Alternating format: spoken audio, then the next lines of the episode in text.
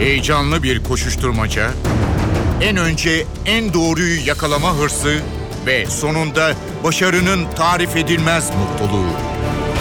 Manşetlerin perde arkası, habercilerin bilinmeyen öyküleri muhabirden de. Muhabirden şimdi başlıyor.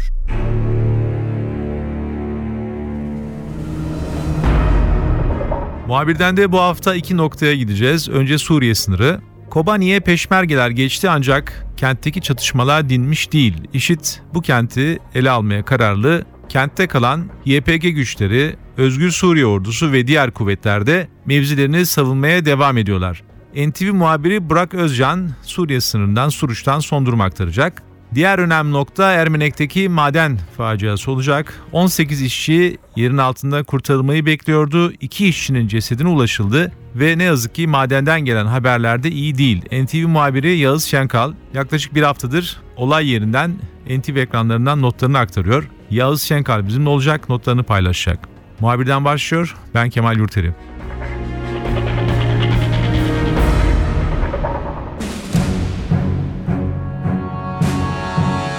Önce Suriye sınırına gideceğiz. NTV muhabiri Burak Özcan. Burak'la daha önce de biz sınırdan notlar almıştık. Burak tekrar sınır nöbetine başladı. Burak son durum nedir? Kobani'de peşmerge geçtikten sonra çatışmalar biraz yavaşladı gibi. Ee, ancak yine de operasyon haberleri gelmeye devam ediyor. Son notlar sende. Bugün 54. gün, 54 gündür Kobani'de devam eden bir savaş var artık son e, yaklaşık neredeyse bir haftadır Peşmerge de dahil oldu bu savaşa. YPG ile birlikte Özgür Suriye ordusu yine IŞİD'e karşı mücadele eden e, gruplardan bir tanesi Kobani'de. Daha önceki yani bundan bir iki hafta, üç hafta öncesine göre çatışmaların şiddeti biraz daha azalmış gibi duruyor. Ama e, yine Kobani'nin hemen hemen her noktasında yer yer zaman zaman çatışmalar yaşanıyor. Güneyde çatışmalar var. Güneyde genelde ÖSO IŞİD'le mücadele ediyor. O güneyden IŞİD'in e, Kobani'ye getirdiği sevkiyatları, mühimmat gibi, silah gibi o sevkiyat hatlarını daha çok vurmaya çalışıyor e, ÖSO. Batı bölümlerinde peşmergeler var. Onlarla birlikte e, Rus yapımı Katyusha füzeleri de geldi. E, o füzelerle biraz daha etkili olduklarını söyleyebiliriz. Çünkü dış köylere zaman zaman operasyonlar düzenleniyor. Köylerde işinin kontrol altında tuttuğu köylere operasyonlar düzenleniyor ve gelen bilgilere göre o köylerin bazılarında e, YPG yine Peşmerge ile birlikte kontrolü sağladı. Doğuda da çatışmalar yaşanıyor. Doğu'nun önemli bir bölümü IŞİD'in elinde. Hala orada bir binanın üzerinde IŞİD'in bayrağı e, dalgalanıyor. Orada da yer yer işte o mahalleleri boşaltmaya çalışıyorlar. Zaman zaman çok yakın mesafelerden de sokak çatışmaları yaşanabiliyor ama e, YPG'den gelen son bilgi bir nebze daha etkili olmaya başladıkları yönünde Peşmerge'nin gelişiyle ÖSO'nun dahil olmasıyla birlikte e, ama genel hatlarıyla Kobani'deki cephelerin çok fazla değişmediği şeklinde bir süredir e, böyle bir sabit durum var. Burak sınır kapısındaki durum nedir? Daha önce Kobani'den, Aynı Arap'tan ve Arap'ın Çeşmesi işte birkaç ismi var. Türkçe karşılığı da var o bölgenin gelenlerin tedavi edildiğini ve geri gönderildiğini biliyoruz. Peşmergeden sonra orada yeni üniteler oluşturuldu mu? Daha fazla bir hareketlik var diyebilir miyiz geçişlerde karşılıklı? Askerin o güvenlik hattını e, biraz daha genişlettiğini söylemek mümkün. Yani bizim e, durduğumuz nokta genelde yaklaşık sınıra iki buçuk kilometre mesafede bir nokta. E, daha önce daha yakın noktalara gidebiliyorduk. Şimdi o sınır kapısına kadar gidebilmeniz için burada e, yani Mürşit Pınar sınır kapısına kadar gazeteci olarak da veya herhangi bir vatandaş olarak gidebilmeniz için e, valilikten izin almanız gerekiyor. Valinin izniyle, valinin onayıyla o noktaya gidilebiliyor. Çünkü o noktada yine kontrol noktaları var o noktaya giden. zaman zaman yine ambulansların girip çıktığını görüyoruz. bazı iddialar vardı e, yaralılar e, getirilmiyor, yaralılar bekletiliyor sınırda gibi e, Kobani'de yaralananlar, çatışmada yaralananlar sınırda bekletiliyor gibi iddialar vardı. E, iki gün önce e, Suruç Kaymakamı'yla bir görüşmemiz oldu. Orada kendisine sorduk soruyu. Yani böyle bir e, iddia var, bekletiliyor mu yaralılar orada gibi. E, kendisi sınır hattında, sınır kapısında e, herhangi bir güvenlik açısından herhangi bir e, mahsur olmadıkça hiçbir yaralının bekletilmediğini doğrudan ambulanslarla e, Suruç'a getirildiğini veya e, artık o yaralının durumuna göre e, Şanlıurfa'daki diğer hastanelere sevk edildiğini söyledi. E, tabii vatandaşlar hala var. Buradaki e, çatışmaları izlemek için sınır hattına gitmek isteyen veya işte bizim bulunduğumuz noktalarda olanlar var. Artık yavaş yavaş burası kendi ekonomisini de oluşturmaya başladı diyebiliriz. Örneğin dürbün çok satılan e, malzemelerden bir tanesi burada. E, dürbüncüler var. Urfa'dan dürbünlerini getiriyorlar. Onlar burada 25 liraya 30 liraya dürbün satıyorlar. Özellikle cuma, cumartesi, pazar günleri çok daha kalabalık oluyor tabii hafta sonu olması sebebiyle e, vatandaşlar da yoğun şekilde gelmeye devam ediyorlar. Burak haberlerde ilginç bir şey fark ettik. Suruç'un nüfusu iki katına çıkmış. Yani bir Suruç daha ortaya çıkmış. Tabi bunlar Kobani'den işte Aynel Arap veya Arap'ın çeşmesi haritadaki ismiyle farklı isimleri var. E, oradan gelenler anladığım kadarıyla büyük bölümü. Peki bu insanlar e, dağılmışlar. Hani bir bölümü Suruç'un içerisinde, bir bölümü Suruç'un çevresinde köylerde tanıdıkları var veya ev tuttular veya boş yerler. Nüfus yapısı nasıl orada? Bu harekette orada görmek mümkün mü? Yani iki katına çıkmış bir nüfusu fark edebiliyor musunuz orada gezerken? Tabii. E, ilk ben geldiğimde Suruç'a yaklaşık e, savaşın başlamasının ilk 7. veya 8. günüydü.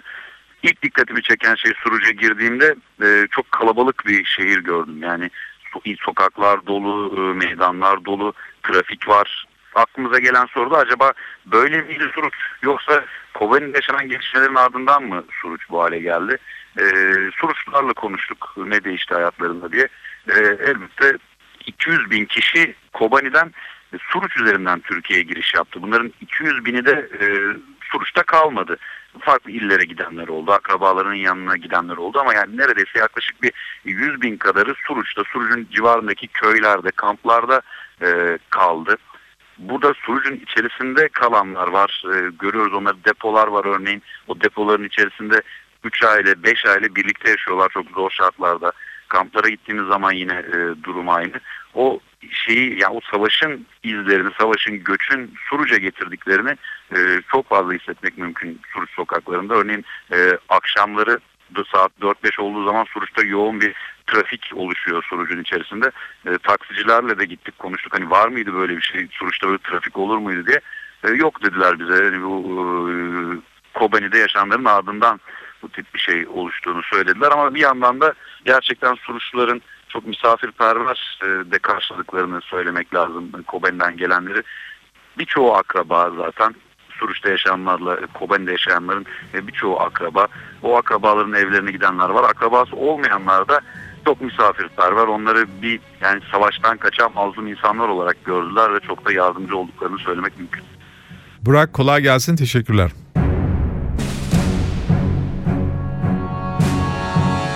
NTV muhabiri Burak Özcar'ın Suriye sınırından notları böyleydi. Şimdi bir başka önemli sıcak noktaya döneceğiz. Ermenik'teki maden faciası. Kazadan sonra hemen bölgeye giden NTV muhabiri Yağız Şankal. Bölgeden bildirmeye devam ediyor. Yağız uzun zamandır madendeki bütün gelişmeleri takip etti ve NTV'den aktardı. Şimdi son notları ondan alacağız. Yaz maalesef kötü haberler gelmeye başladı. İki madenciye ulaşıldı, cesedin ulaşıldı. Madendeki arama çalışmaları devam ediyor. Birazcık geri dönecek olursak e, bu noktaya nasıl gelindi istersen kısaca bize onu hatırlat. Ondan sonra e, başka sorularımız olacak. Yani şimdi her şeyden önce baktığımızda bir aşağıya inen eğimli bir giriş görüyoruz. Yani baktığımızda televizyon ekranlarında gördüğünüz görüntü bu ama aşağıya indiğimizde aslında bir örümcek ağı gibi bir labirentler gibi bir maden var. Toplam yürüme mesafesi 1350 metre olan bir madenden bahsediyorum. Yani bir ucundan girdiniz, döndünüz, dolaştınız, arada labirentler var, çıktınız. Toplam 1350 metre. Şimdi böyle bir alandan bahsediyoruz. Dikili olarak bakarsanız da bir kuyu olduğunu düşünün. Yaklaşık 175 metre derinliktesiniz. İşte böyle bir her şeyden önce bunu bir gözümüzde canlandıralım. Şimdi bugün 11. gün. 11 günde ne yapıldı? 11 günde önce yürüme mesafesi olarak söyleyeyim ki daha da net anlasın, anlaşılsın. 1 kilometrelik mesafe yani 1000 metrelik mesafe yürüyenerek kat edildi. Sağa girildi, sola girildi, küçüklerle uğraşıldı, e, su baskınlarıyla uğraşıldı. Bu sular çıkarıldı. İşte kömür çıktı karşılarına, e, ağaçlar devrilmiş oldu, tahkimatlar devrilmiş oldu, o tahkimatlar yapıldı.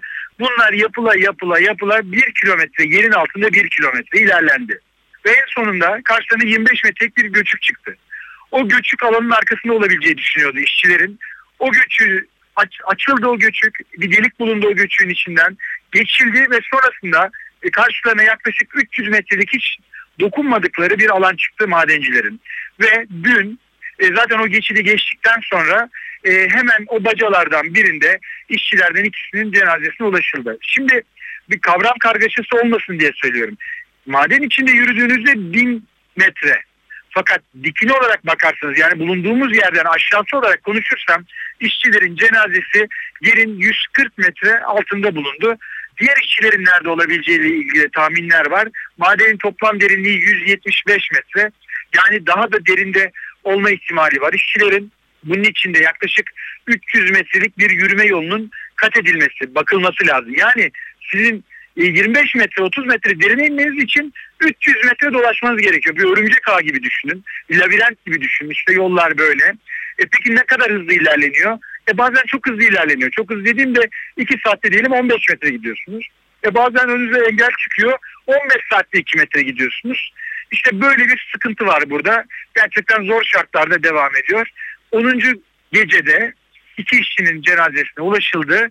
Biz artık 11. gündeyiz ve şimdi artık 18 işçi kayıp diyorduk ama artık 16 diyeceğiz. 16 kayıp işçiye ulaşılmaya çalışılıyor Kemal Yurtdere. Yaz soruşturma da bir yandan devam ediyor. Savcılık olay olur olmaz hemen e, bölgeye gelmişti. E, olaya el koymuştu. Soruşturma cephesindeki gelişmeler neler? Şimdi işçilerden tek tek o gün madende olan işçilerden tek tek ifade alınıyor. Ne yaptınız? Ne gördünüz? Daha önce burada su sızıntısı oldu mu? Savcının sor, söylediği sorular bunlar. Sorduğu sorular bunlar. Ee, şimdi neler var? Şimdi bizim elimizdeki en somut belge savcılığın hazırladığı ön rapor. Bilirkişi ön raporu. Ne oldu buraya? Cumartesi gecesi bilirkişi geldi. Üç kişilik bilirkişi heyeti girdiler gece. Ertesi günde zaten bu rapor ortaya çıktı. Ne bu rapor? Şimdi bulunduğumuz yerde 3 tane maden ocağı var. Biri kazanın yaşandığı maden, ikisi de eski maden. Bu eski madenler e, uzun yıllardan beri çalışmıyor. Şimdi bilimsel bir gerçek var. Eğer siz bir madende çalışmazsanız, kapatırsanız o madenin içi havuza dönüyor, baraja dönüyor. Ve şimdi burada tartışılan konu şu. Topuk mesafesi denilen iki maden arasında bir mesafe korunması lazım. Bu e, 50 metre olması lazım ama burada bu 50 metrenin aşıldığı yani daha fazla kömür çıkarmak için diğer madenin sahasına girildiği anlaşılıyor. Şimdi biz bunu aslında sanki yandan yaklaşılmış gibi düşünüyorduk ama bunlar iki gün önce yerin 200 e, yerin altından görüntüler geldi yüzlerce metre alttan. AFAD'ın çektiği görüntüler. E orada anladık ki tepelerde oyuklar var. Yani yani bizim yorumumuz bu. Bunu bakana da sorduk ama henüz erken dedi ama şöyle görünüyor yorumumuz bu. Alttan madenciler kaza kaza ilerlemişler. Eski madenin eski maden sahasının altına gelmişler. Yani iki maden alt altı üst üste olmuş. İşte bu sırada işte çalışmalar sırasında üstteki madende bir anda işçilerin tepesine boşalıyor ki ya 11 bin ton 12 bin ton su. Şimdi bir olimpik havuzu hayal edin gözünüzde. O kocaman 50 metre 20 metre derinlik öyle bir havuzu düşünün. Bunlardan 4 tane olduğunu düşünün. 4 tane olimpik havuz dolusu su bir anda üstünüze boşalıyor. İşte böyle büyük bir felaket nasıl ne kadar hızlı gelmiş su onu da gördüğüm bir örnekten anlatayım size. Şimdi yerdeki çamurları, külleri toplamak için vagonlar aşağı indiriliyor madende. O vagonların ağırlığı da böyle bir buçuk ton, iki ton. Bir buçuk ton, iki ton. İşte o vagonlardan biri görünt, görüntülerde gördük. Ortadan ikiye ayrılmış. Yani su o kadar hızlı gelmiş. Öyle sert vurmuş ki o ağır iki tonluk vagonu bile parça parça etmiş. İşte böyle bir e, felaket anı yaşanmış aşağıda. Bölge halkı kaza olur olmaz maden sahasına geldi. O insanlar için dediğim gibi hem bir acı kaynağı hem de bir geçim kaynağı maden. Çok sıkıntılı bir ikilem içerisindeler. Bir yandan hayatlarını sürdürmek zorundalar anlaşıldığı kadarıyla. Öbür taraftan da genç insanlar e, bu yerin yüzlerce metre altında yaşamını yitirmeye devam ediyor. Yaz insanlar neler anlatıyorlar? Yani onların e, bu maden için görüşleri neler? Buranın geleceği için önümüzdeki dönemde burasının faaliyeti devam etmesi veya etmemesi konusunda görüşleri var mı? Bu konuda bir beklentileri veya istekleri var mı? Şimdi şöyle bir cümleyle özetleyeyim. Diyorlar ki biz yerin altına insek madenden dolayı öleceğiz. E yukarıda dursak da madeni girmesek de açlıktan dolayı öleceğiz. Şimdi böyle çok trajik, çok çarpıcı bir cümle var burada. Ya şimdi bu Ermenek Havzası aslında tarıma elverişli bir arazi kiraz güzel kiraz yetişiyor burada. Elma yetişiyor fakat e, yeterli destek mi demeyeyim, yeterli doğru politikalar mı demeyeyim bilmiyorum ancak e, zaman içinde burada tarım gözden düşüyor ve tarım sahaları kaybolmaya başlıyor ve insanların elinde çalışabilecekleri tek yer maden. Mesela bir hemen yakınımızda buraya yaklaşık e, 10-15 dakika mesafede Güney Yurt kasabası var.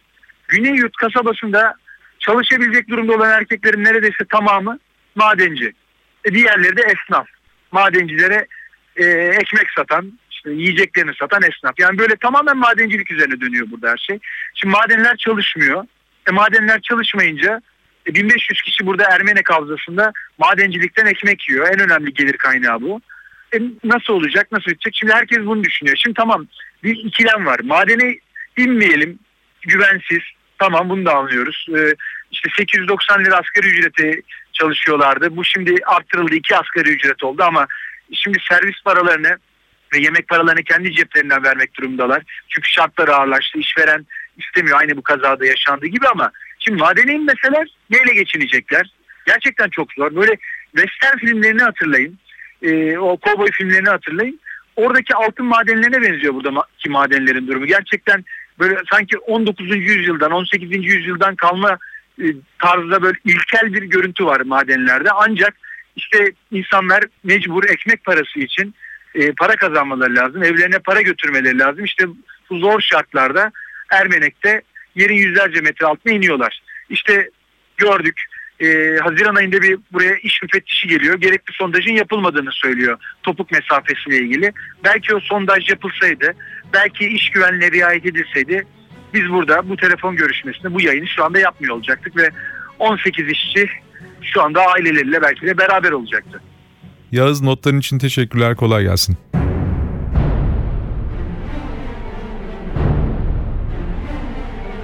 Muhabirden de bu hafta iki noktaya gittik. Koban'daki son duruma yakından baktık. Ermenek'teki maden faciasındaki son gelişmeleri öğrendik. Ben Kemal Yurteri, muhabirden de yeniden görüşmek üzere. Hoşçakalın. Haber için değil de haberin hikayesi için şimdi onlara kulak verme zamanı. Muhabirden NTV Radyo'da.